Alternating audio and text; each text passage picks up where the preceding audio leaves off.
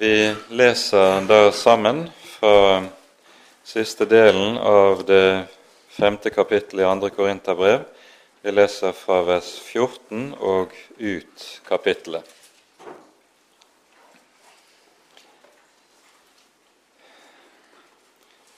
For Kristi kjærlighet tvinger oss, idet dette er avgjort. Én er død for alle og derved har de alle dødd. Og han døde for alle, for at de som lever, ikke lenger skal leve for seg selv, men for ham som døde og ble reist opp for dem. Så kjenner vi fra nå av ikke noen etter kjødet. Har vi òg kjent Kristus etter kjødet, så kjenner vi ham nå ikke lenger slik. Derfor, om noen er i Kristus, da er han en ny skapning. Det gamle er forbi. Se, alt er blitt nytt. Men alt dette er av Gud, Han som forlikte oss med seg selv ved Kristus og ga oss forlikelsens tjeneste. Det var Gud som i Kristus forlikte verden med seg selv, så han ikke tilregner dem deres overtredelser, og la ned i oss ordet om forlikelsen. Så er vi da sendebud i Kristi sted, som om Gud selv formaner ved oss. Vi ber i Kristi sted, la dere forlike med Gud. Ham som ikke visste av synd, har Gud gjort til synd for oss, for at vi i ham skal bli rettferdige for Gud. Amen. Første delen av dette avsnittet vi nå har lest, det så vi en del på forrige gang. Eh, og det er i alt vesentlig siste delen vi skal ta for oss i kveld. Men eh, det er viktig å ha sammenhengen med seg når vi leser teksten. Det som vi hører i det 14. verset, 'Kristi kjærlighet tvinger oss', det understreket vi sist gang. Det er et ord som eh, på en meget sterk måte peker hen imot hva som er kilden for det kristne liv. En kristen lever ikke ved loven, og det kristne livs kilde er heller ikke lydighet mot loven. Det kristne menneskes og det kristne livs kilde, det er nettopp evangeliet, budskapet om hva vi eier i Kristi kjærlighet.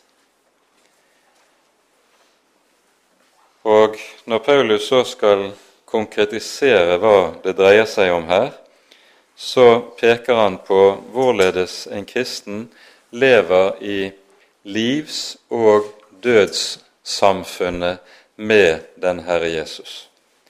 Dette som han nærmere utlegger i eh, Romerbrevets sjette kapittel, der han taler om hvorledes det å bli døpt til den Herre Jesus, det er å bli forenet med Jesus i hans død og i hans oppstandelse.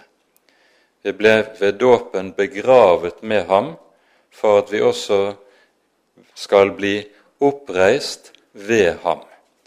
Det taler Paulus om i Romerbrevets sjette kapittel. Vi har ikke tid til å gå noe grundigere inn på det i denne sammenheng. Men det å leve som en kristen, det er å leve i dette livs- og dødssamfunnet med den Herre Jesus. Nå kan det være viktig å være oppmerksom på preposisjonene som vi finner i disse to versene. For her er det sånn at eh, den norske oversettelsen det kan ikke godt gjøres annerledes enn det vi finner det i den oversettelsen vi har. Men den norske oversettelsen eh, kan på enkelte måter være misforståelig. Når vi leser i slutten av vers 14 at det står 'én er død for alle', så bruker den greske teksten her en preposisjon 'for', som betyr eh, en er død for, dvs. Si istedenfor alle. Det peker på Jesu død som den stedfortredende død. Samtidig kan denne preposisjonen også bety 'for alles skyld'. Den har denne dobbelte betydningen at han dør både for vår skyld og i vårt sted. Det er det som ligger i preposisjonen. Når vi så leser i det neste verset at de som lever, ikke lenger skal leve for seg selv, så står ikke denne samme preposisjonen som vi hørte om i det foregående vers, den står ikke i den greske teksten. I stedet står det en dativskonstruksjon som betyr at eh, som gjør at det kanskje best skulle oversettes slik for at de som lever, ikke lenger skal leve ved seg selv eller i kraft av seg selv, i kraft av det de er i seg selv. Men når det på norsk brukes samme preposisjon, så ser vi at dette veldig lett kan lede tanken i retning av noe som blir misforståelig. Men den dativskonstruksjonen som altså anvendes her, den peker på det at det kristne liv det er et liv som leves i kraft av hva jeg er i Jesus Kristus. Og Dermed så forstår vi at Paulus med dette konkretiserer hva det vil si at det er Kristi kjærlighet som er drivkraften i det kristne livet. Det er ikke loven, men det er livssamfunnet, slik at jeg lever ved ham og ikke i kraft av noe jeg er i meg selv eller kan få til i meg selv. Dette er helt avgjørende å være oppmerksom på, og det er denne sannhet som Jesus underviser om i Johannesevangeliets 15. kapittel, når han taler om vintreet og grenene og sier:" Bli i meg, så bærer dere megen frukt. Den som blir i meg og jeg i ham, han bærer megen frukt, for uten meg kan dere intet gjøre. Det er denne hovedsannhet som Paulus altså taler om i denne sammenheng, og det er viktig å være oppmerksom på den saken her. Vers 16 gikk vi nærmere gjennom forrige gang. Vi sier ikke stort mer om det i dag. Og så følger det av det vi har hørt i de foregående vers, det som så står i vers 17. Derfor, dersom noen er i Kristus, da er han en ny skapning. Det gamle er forbi. Se, alt er blitt nytt. Og Nå skal vi i denne sammenheng ganske særlig også være oppmerksom på ordlyden her. For det som vi her hører, det har ofte vært lest på en noe annen måte, som gjør at mennesker fort kan oppleve å komme i trelldom. De leses eller forstås dit hen som om det sto Derfor, dersom Kristus er i noen, da er han en ny skapning. Og så rettes blikket innover mot ens eget hjerte, hvor en begynner å lete etter Jesus i sitt eget hjerte, for om mulig å finne tegn på at han virkelig bor der inne.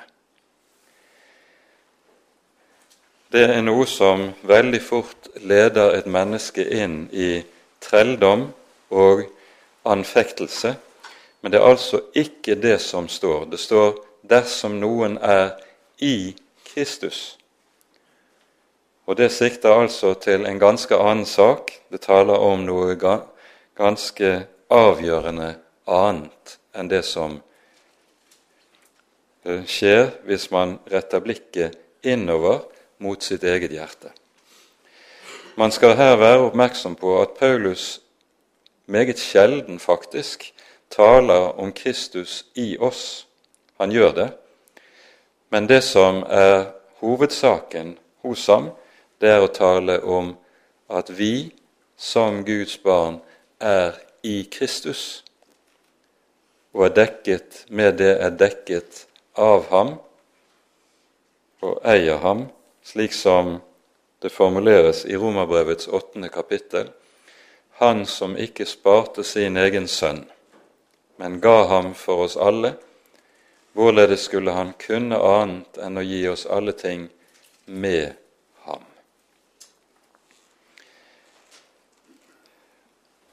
Dette utgjør så overgangen til det neste avsnittet, der vi leser om forlikelsen eller forsoningen.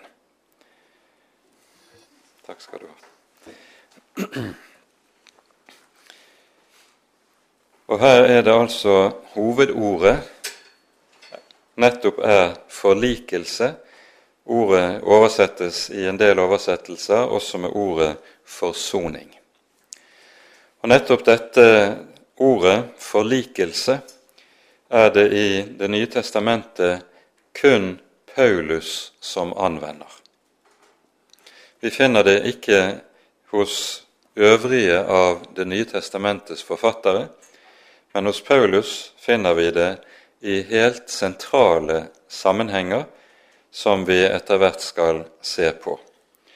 Substantivet etter de som har hatt en opptelling på dette, anvendes av Paulus i fire forskjellige sammenhenger eh, i brevene hans, og verbet å forlike i tre ulike sammenhenger. Og Dette er altså det eneste sammenhengene vi finner det i Det nye testamentet. Det er mange som blander sammen ordene soning og forsoning. Det vi skal være klar over, er at disse to ordene betegner to sentralt forskjellige ting. Vi kunne si det slik at forsoningen er en frukt av soningen. Soningen er det som skjer på Golgata, på korset.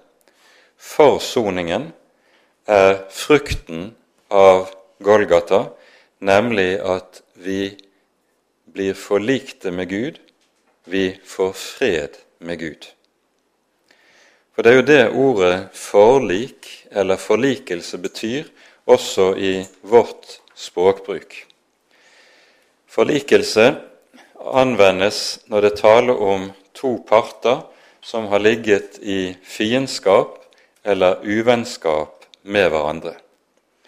Og Sånn anvendes ordet også i profan gresk, det er ordet som vi finner i Det nye testamentet. Det er to parter som har ligget i fiendskap, og så forlikes de. Og vi vet hvordan slik uh, forlikelse kan uh, skje på menneskelig plan. Enten at det kommer inn en megler prøv, som prøver å Eh, etablere en form for enighet, en form for kompromiss mellom to stridende parter, eller eventuelt at den som har gjort en annen urett, kommer og ber om tilgivelse, og slik eh, opprettes der på ny en normaltilstand av vennskap og fred imellom de to parter.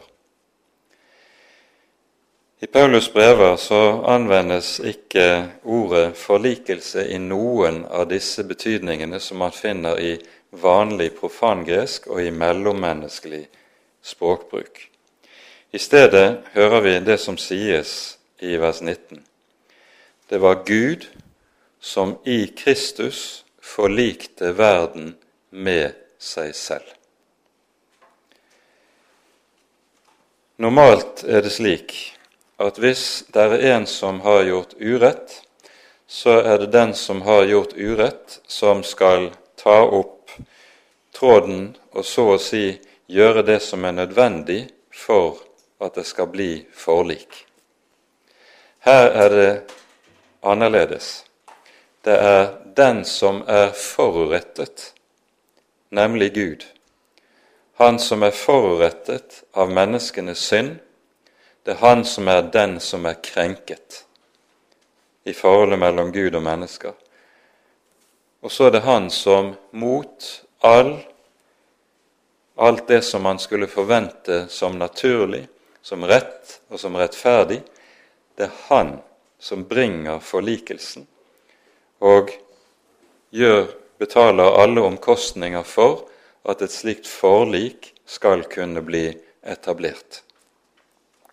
Det var Gud som i Kristus forlikte verden med seg selv, så han ikke tilregner dem deres overtredelser, og han la ned i oss ordet om forlikelsen. Og Her tror jeg vi skal uh, se på et vers i Kolossabrevets første kapittel som taler om samme sak og belyser dette videre.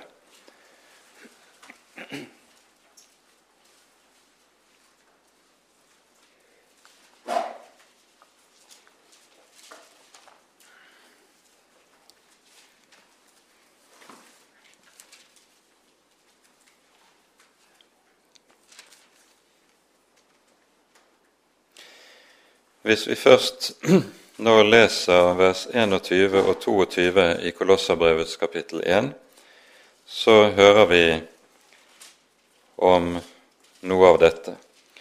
Også dere som før var fremmede og fiender av sinnelag, i deres onde gjerninger. Dere har Gud nå forlikt med seg selv ved Hans kjøds legeme ved døden for å stille dere frem hellige og ulastelige og ustraffelige for sitt åsyn. Men hva det vil si at det er Gud som forliker, det understrekes meget sterkt gjennom det vi hører i de to foregående vers, hvis vi leser vers 19 og vers 20. Her står det nemlig det var Guds vilje å la hele sin fylde tar bolig i ham, i Kristus altså, og ved ham forlike alle ting med seg selv, da han gjorde fred ved blodet på hans kors, ved ham, enten det er de som er på jorden, eller de som er i himlene. I kapittel 2, vers 9 i det samme brevet så formulerer Paulus denne sannhet enda mer eh, paradoksalt. I ham bor hele guddommens fylde legemlig.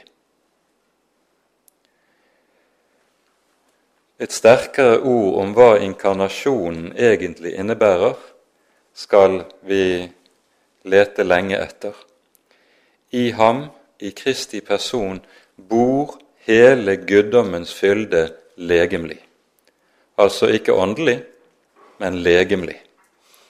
Det er på dette grunnlag at Paulus kan si i sin tale til de eldste Efesos i apostelgjerningene 20 at når vi er frelst, så er det ved Guds blod det er ikke bare et menneskes blod som renner på korset.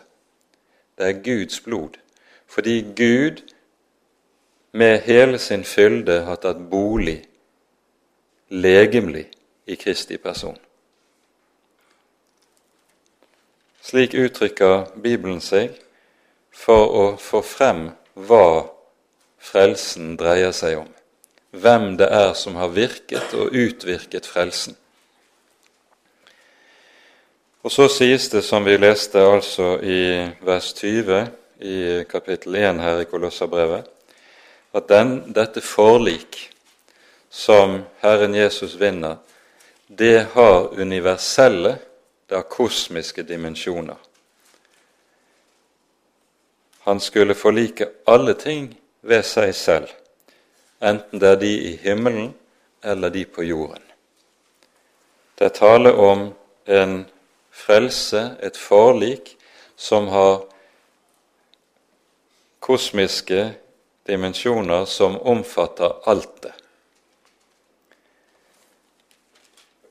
Og det er dette altså apostelen nå taler om i 2. Eh, Korinterbrev 5.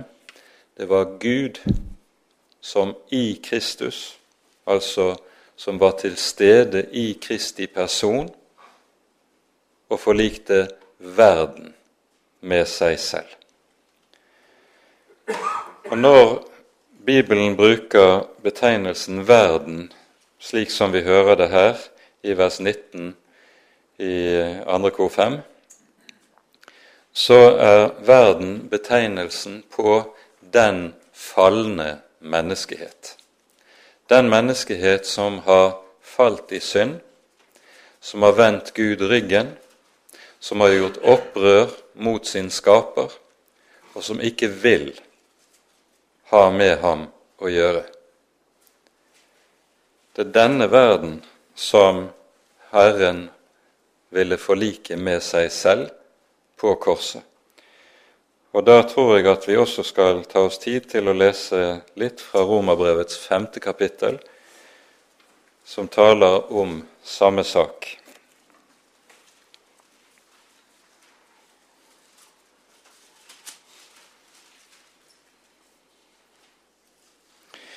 Her i vers 10 og vers 11 hører vi Paulus anvende det samme begrepet forlikelse,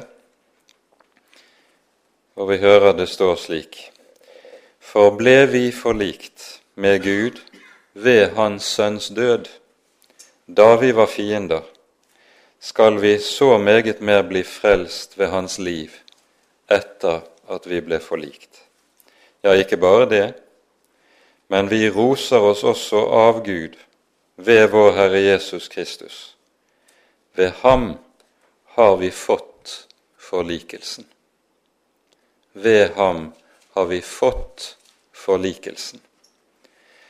Denne forlikelsen er en gave, og gavens storhet har sin grunn i det som vi hører i det åttende verset i det samme kapittelet, der Paulus skriver følgende Gud viser sin kjærlighet til oss ved at Kristus døde for oss mens vi enda var syndere. Ikke minst skal vi legge merke til det som vi hører i dette verset. For det innebærer jo og betyr jo at Gud ikke begynner å elske deg og meg først etter at Jesus har sonet våre synder, lidd døden på korset. Det er motsatt. Det er Guds kjærlighet som er grunnlaget for og årsaken til at Jesus sendes til verden for å dø. Han elsker den skapning som er falt. Men nå er det jo samtidig slik at ordet forlik eller forlikelse det er et ord som anvendes der det taler om to parter som ligger i strid med hverandre, to parter som ligger i fiendskap med hverandre.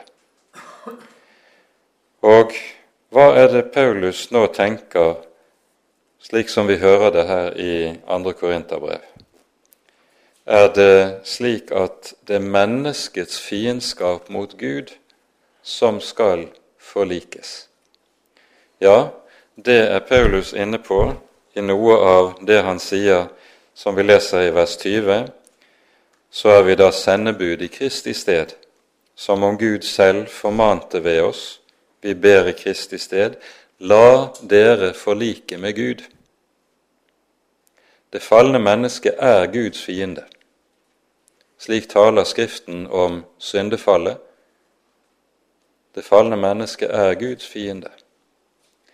Men når Bibelen anvender dette uttrykket forlikelse, så er tankegangen som ligger bak, og det er hovedtanken, det er at Gud er en Gud som er vred på grunn av menneskets synd.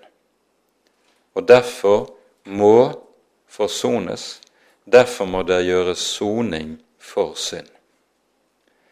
Det er talen om Guds vrede over synden som er bakteppet og forutsetningen for talen om forliket og forsoningen som bringes. Det er Gud som må forsones. Det er Guds vrede som må forsones.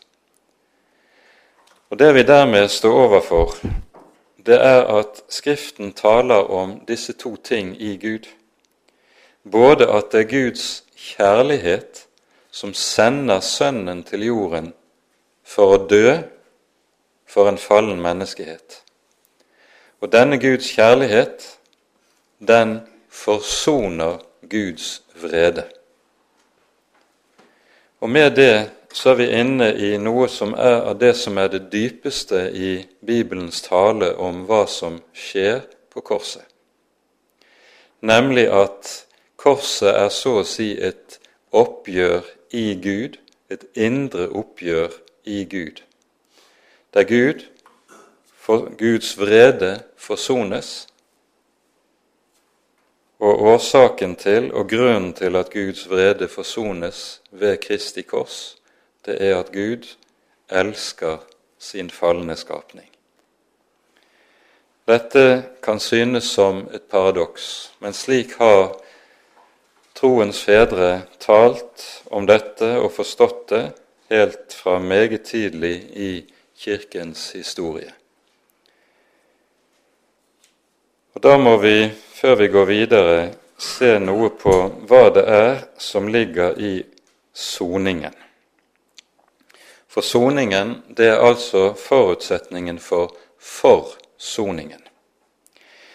Soningen er det som er omtalt i vers 21 her i 2. kor 5. Han som ikke visste av synd, har Gud gjort til synd for oss, for at vi i ham skal bli rettferdige for Gud. I eh, vers 19 så anvendes det et verb som vi møter en rekke andre steder i Bibelen, og det er verbet 'å tilregne'. Og Det er det som skjer i forbindelse med soningen. Du har to parter som står overfor hverandre. Du har meg på den ene side, synderen på den ene side og Kristus på den annen side. Det Gud gjør når synden skal sones, det er at han tar synden fra synderen og legger den på sin sønn. Og den, det at han tar den fra meg og legger den på Jesus, det kalles tilregning. Og denne tilregning av synd, at Jesus tilregner synd, det er ikke noe som jeg gjør gjennom en eller annen tankeoperasjon oppe i mitt hode, men det er noe Gud gjør. Det er Gud som tilregner Jesus din og min synd. Samtidig så gjør Gud også en annen tilregning. Han tar den syndfrihet, den fullkommenhet, den rettferdighet som Herren Jesus er i besittelse av, den tar han fra sin sønn og legger den over på meg. Han tilregner meg Jesu rettferdighet. Han tar rettferdigheten fra Jesus og gir meg Kristi rettferdighet. Han tilregner meg ikke mine overtredelser, men han tilregner meg Jesu rettferdighet. Og vel å merke, denne tilregning er det Gud som utfører, ikke jeg, ikke du. Det er en objektiv kjensgjerning, det er et objektivt faktum som skjer i forsoningen, i soningen. Når Paulus formulerer seg slik som vi hører det i vers 21 Han som ikke visste av synd, har Gud har Gud, merk at det er Gud som er subjekt, har Gud gjort til synd så er bakgrunnen for dette offerlovgivningen i Det gamle testamentet. Det er slik vi finner loven om syndofferet i Tredje Moseboks fjerde kapittel. Og det som står i dette kapittelet, det er det som ligger til grunn for eh, loven om den store forsoningsdagen som vi har i Tredje Mosebok kapittel 16. Når en mann hadde gjort synd, og som det måtte gjøres soning for. Så skulle han ta med seg et dyr, et rent dyr, til Herrens helligdom. Når presten hadde undersøkt dyret og funnet at det var lyteløst, så skulle synderen legge sine hender på offerdyrets hode og lydelig bekjenne syndene sine over offerdyret. Enten det var et kje eller et lam eller en oksekalv, det avhang litt av situasjon og person hvilket dyr det var, så skulle synden bekjennes i det synderen la begge hender på offerdyrets hode. Og eh, den rabbinske lovgivning konkretiserte dette med at han skulle legge hele sin tyngde på offerdyrets hode. Og I og med dette så ble synden tatt fra synderen og lagt over på offerdyret. Og da får offerdyret et nytt navn. Det hebraiske navnet for syndoffer, som anvendes i 3. Mosebok kapittel 4, chatat, er det på hebraisk, det betyr bokstavelig synd. Offerdyret ble gjort til synd når synden var tatt fra synderen og lagt over på dyrets hode. Og når offerdyret var gjort til synd, så må det dø. For syndens lønn er døden. Så ble det slaktet, og det fulgte som hører med i offerhandlingen. Men det er altså denne terminologien Paulus anvender her i 2. Korinterbrev 5. Han som ikke visste av synd, ble gjort til synd. Akkurat som det skjedde med syndofferet i tempelet. Og så forstår vi at bakom det som vi her leser, ligger døperens ord og vitnesbyrd om Jesu person. Se det Guds lam som bærer verdens synd. For lammet ble syndebæreren som måtte dø i synderens sted. Og eh, det sies jo uttrykkelig i Skriften syndens lønn er døden. Og det er nettopp det som skjer med offerdyret. Offerdyret lider døden stedfortredende i synderens sted og for synderens skyld. Og det er dette Jesus går inn i når han lider døden på korset som soning for våre synder. Dette behandles utførlig i Hebreabrevet. Og vi har ikke tid til å gå inn på alt som der står, men vi må henlede oppmerksomheten på et par vers i kapittel 9 og 10 i Hebreabrevet i denne sammenheng.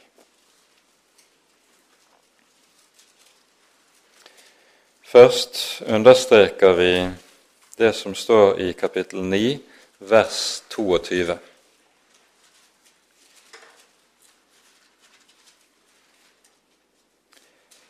Etter loven blir nesten alt renset med blod, og uten at blod blir utgitt, blir synd ikke tilgitt. Dette er en grunnlov i Skriften. Synd kan ikke tilgis uten soning. Det er det som er poenget. Skal synd tilgis, så må der foreligge soning for synden. Og det er nettopp det Gud gir oss og gjør for oss når vår Herre Jesus lider døden på korset. Han soner for våre synder. Han soner for våre synder gjennom å bære synden på sitt legeme opp på korset og lide døden som den skyldige, lide døden under Guds vrede.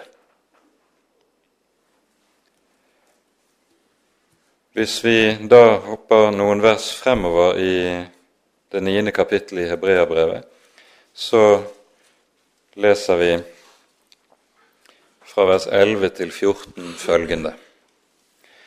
Da Kristus kom som ypperste prest for de goder som skulle komme, gikk han gjennom det telt som er større og mer fullkomment, som ikke er gjort med hender, vil si, som ikke er av denne skapning, ikke med blod av bukker og kalver, men med sitt eget blod gikk han inn i helligdommen en gang for alle og fant en evig forløsning.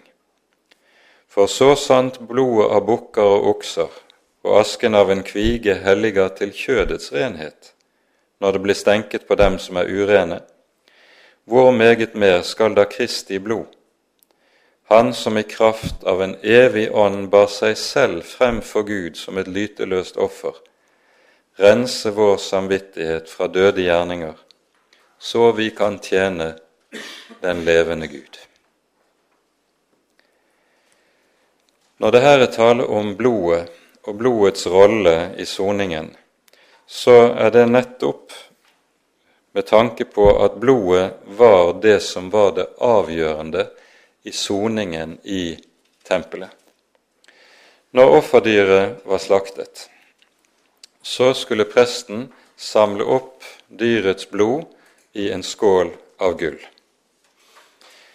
På, eh, når det gjaldt de mer alminnelige syndoffere, så skulle blodet bæres inn i helligdommen, og presten skulle dyppe fingeren i skålen av blodet, og så skulle han stryke blodet på røkofferalterets horn.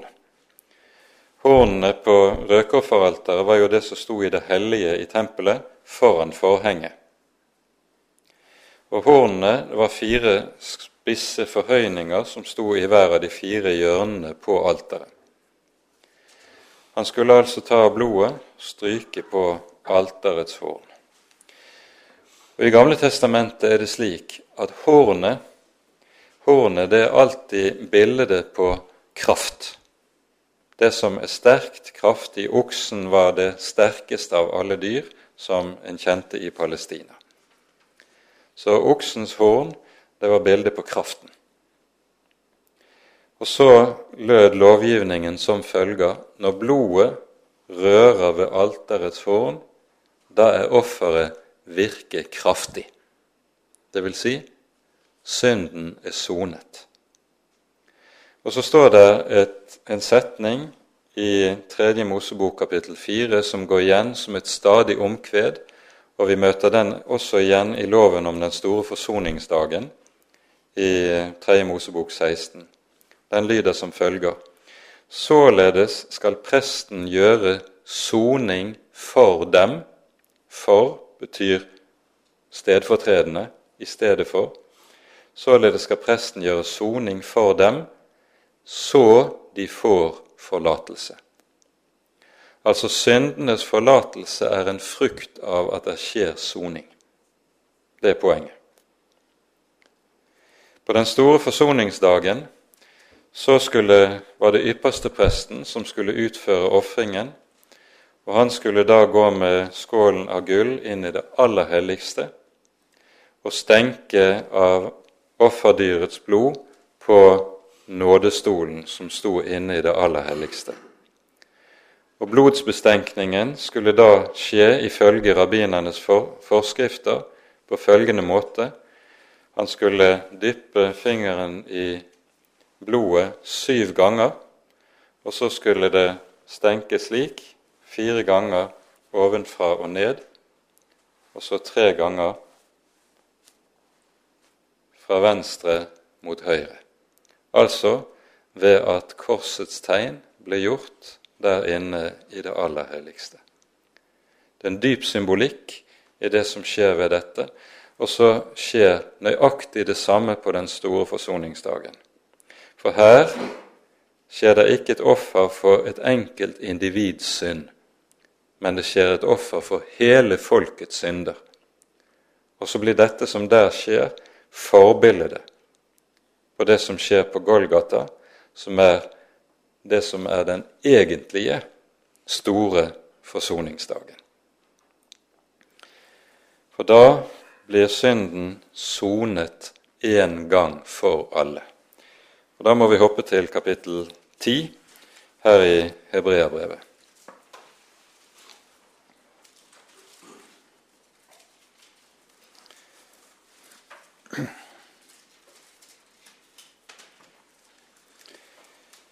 I vers 14 leser vi slik For med ett offer har Han for alltid gjort dem fullkomne som blir helliget. Med ett offer Legg merke til hvordan teksten her uttrykker seg. Med ett offer har han for alltid, en gang for alle og for alltid, gjort dem fullkomne som blir helliget. Synden er tatt bort. Gud har ikke lenger noe å utsette på meg. Synden er tatt bort. Jeg er blitt rettferdig, for Gud har gjort dette bytte. Han har tilregnet Jesus min synd, han har tilregnet Jesu rettferdighet til meg, så jeg er ren, jeg er hellig, jeg er fullkommen i Kristi person. Og Det uttrykket som da anvendes av Paulus i vers 21 i 2. Korinterbrev, som vi har lest Han som ikke visste av synd, har Gud gjort til synd. Så står det i andre halvdel av verset følgende for at vi skulle bli rettferdige for Gud. Men i grunnteksten står det meget sterkere formulert. Det står for at vi skulle bli Guds rettferdighet. Så sterkt står det uttrykt. For at vi skulle bli Guds rettferdighet. Og vi forstår hva som ligger i dette. Min rettferdighet for Gud består ikke i en kvalitet i mitt hjerte, noe som har skjedd eller foregått i mitt indre. Min rettferdighet for Gud består i at min synd er tatt bort og sonet på korset, og Gud har som gave i stedet gitt meg sin egen sønns rettferdighet. Min rettferdighet for Gud er med andre ord det som Luther kaller for en fremmed rettferdighet. Og Med det mener han nettopp dette at den rettferdighet som jeg eier for Gud, den består ikke ved en indre kvalitet i meg, at det har skjedd en eller annen forandring i meg, sånn at jeg er blitt et annerledes, et bedre, et fullkomment menneske. Nei, min rettferdighet for Gud er noe jeg eier i og med og i kraft av Kristi person, av hva Jesus er, ikke av hva jeg selv er. I dette ligger det en veldig trøst, fordi det innebærer, når jeg anfektes av å se min egen elendighet som kristen, hvordan jeg kan falle som kristen, være ulydig, halvhjertet, ustadig, full av alt slikt som slett ikke sømmer seg hvis du måler det på Guds hellige lov, så kan jeg likevel vite min rettferdighet for Gud har ingenting med dette som jeg er i meg selv å gjøre. Min rettferdighet for Gud, det er Jesus. Det er hva jeg eier i Jesus. Det er det som gjelder for Gud. Og Dermed så er det slik at det vi leser i 2. Korinterbrev 5, det glir over imot det som vi ellers hører Paulus undervise om i brevene sine når han taler om rettferdiggjørelsen. Forlikelsen og rettferdiggjørelsen de henger meget tett sammen.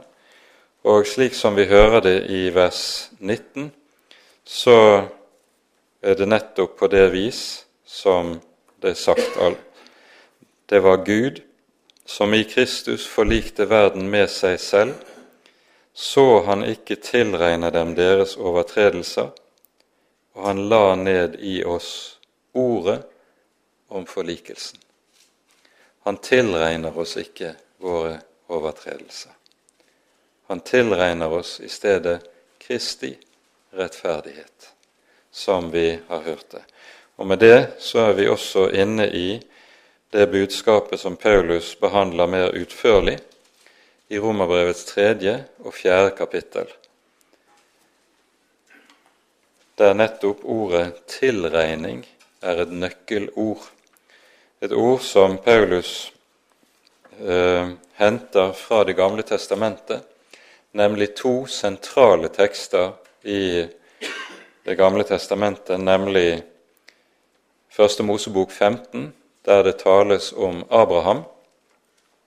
Abraham trodde Gud, og det ble regnet ham til rettferdighet.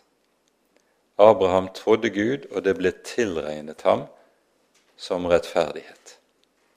Og dernest ifra Salme 32.: Salig er den mann som Herren ikke tilregner misgjerning. Disse to versene siterer Paulus og utlegger i Romerbrevets fjerde kapittel som eh, skriftbevis som skal peke på hva det vil si dette at synden er sonet, synden er tatt bort, vi er frie.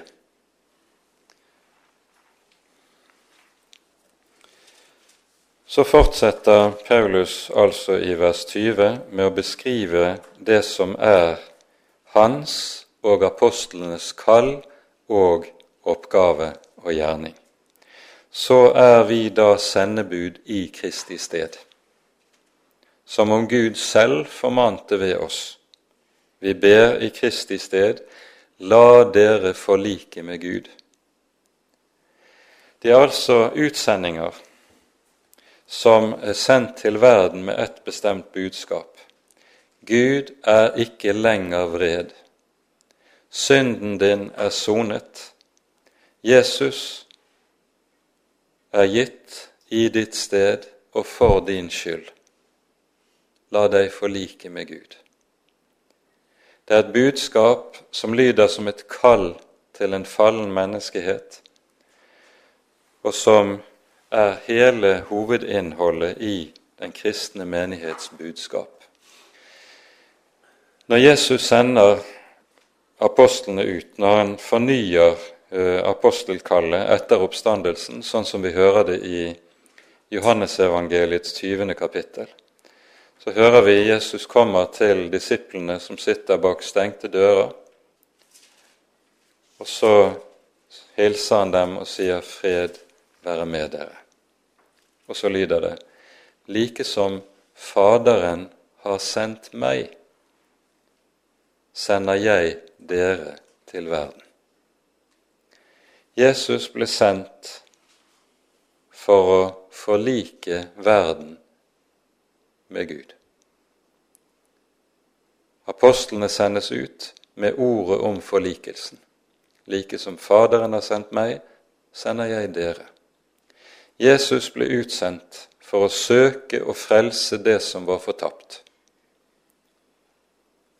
Det er det også apostlene får som oppgave, og alle de som senere gjennom den kristne kirkes historie følger i deres spor og går inn i den tjeneste. Og Derfor er det også at denne teksten her i 2. Korinterbrev 5 den leses alltid i forbindelse med ordinasjoner. For å peke på hva som er det sentrale oppdrag de som settes til å være hyrder i den kristne menighet, skal utføre. De er satt til å gå med nettopp forlikelsens ord. Bære dette frem og formane i Kristi sted la dere forlike med Gud. Med dette så setter også Skriften ord på hva som er den kristne kirkes kall og mandat og oppgave her i verden. Et mandat og et kall som Kirken dessverre altfor ofte glemmer til fordel for andre oppgaver som man synes er viktige og aktuelle.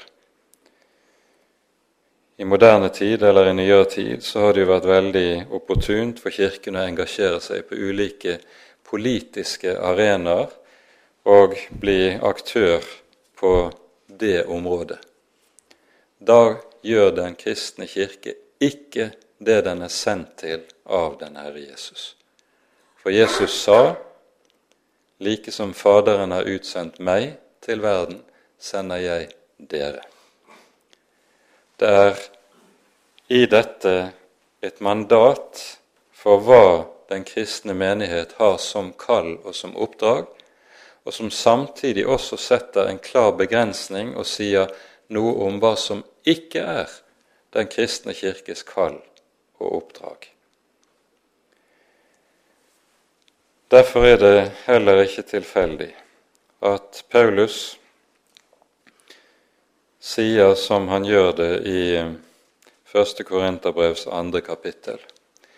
Jeg ville ikke vite noe annet iblant dere enn Jesus Kristus og ham korsfestet.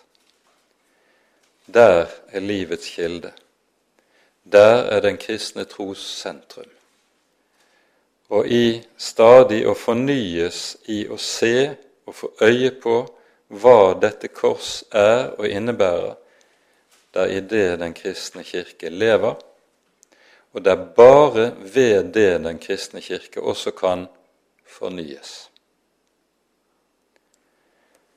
Derfor er det også at vi hos oss, i kirken hos oss, har dette som sentrum foran og ved alteret Kristus korsfestet. Jeg ville ikke vite noe annet iblant dere enn Jesus Kristus og ham korsfestet. Med dette ligger så å si lagt frem for oss det som er selve programerklæringen for den kristne menighets kall og liv her i verden. Alt annet som Den kristne kirke også skal ta seg av, det springer ut av dette og kan ikke løsrives fra dette. Og Med det tror jeg vi setter punktum for dagens bibeltime. Ære være Faderen og Sønnen og Den hellige ånd, som var og er og være skal, en sann Gud, høylovet i evighet. Amen.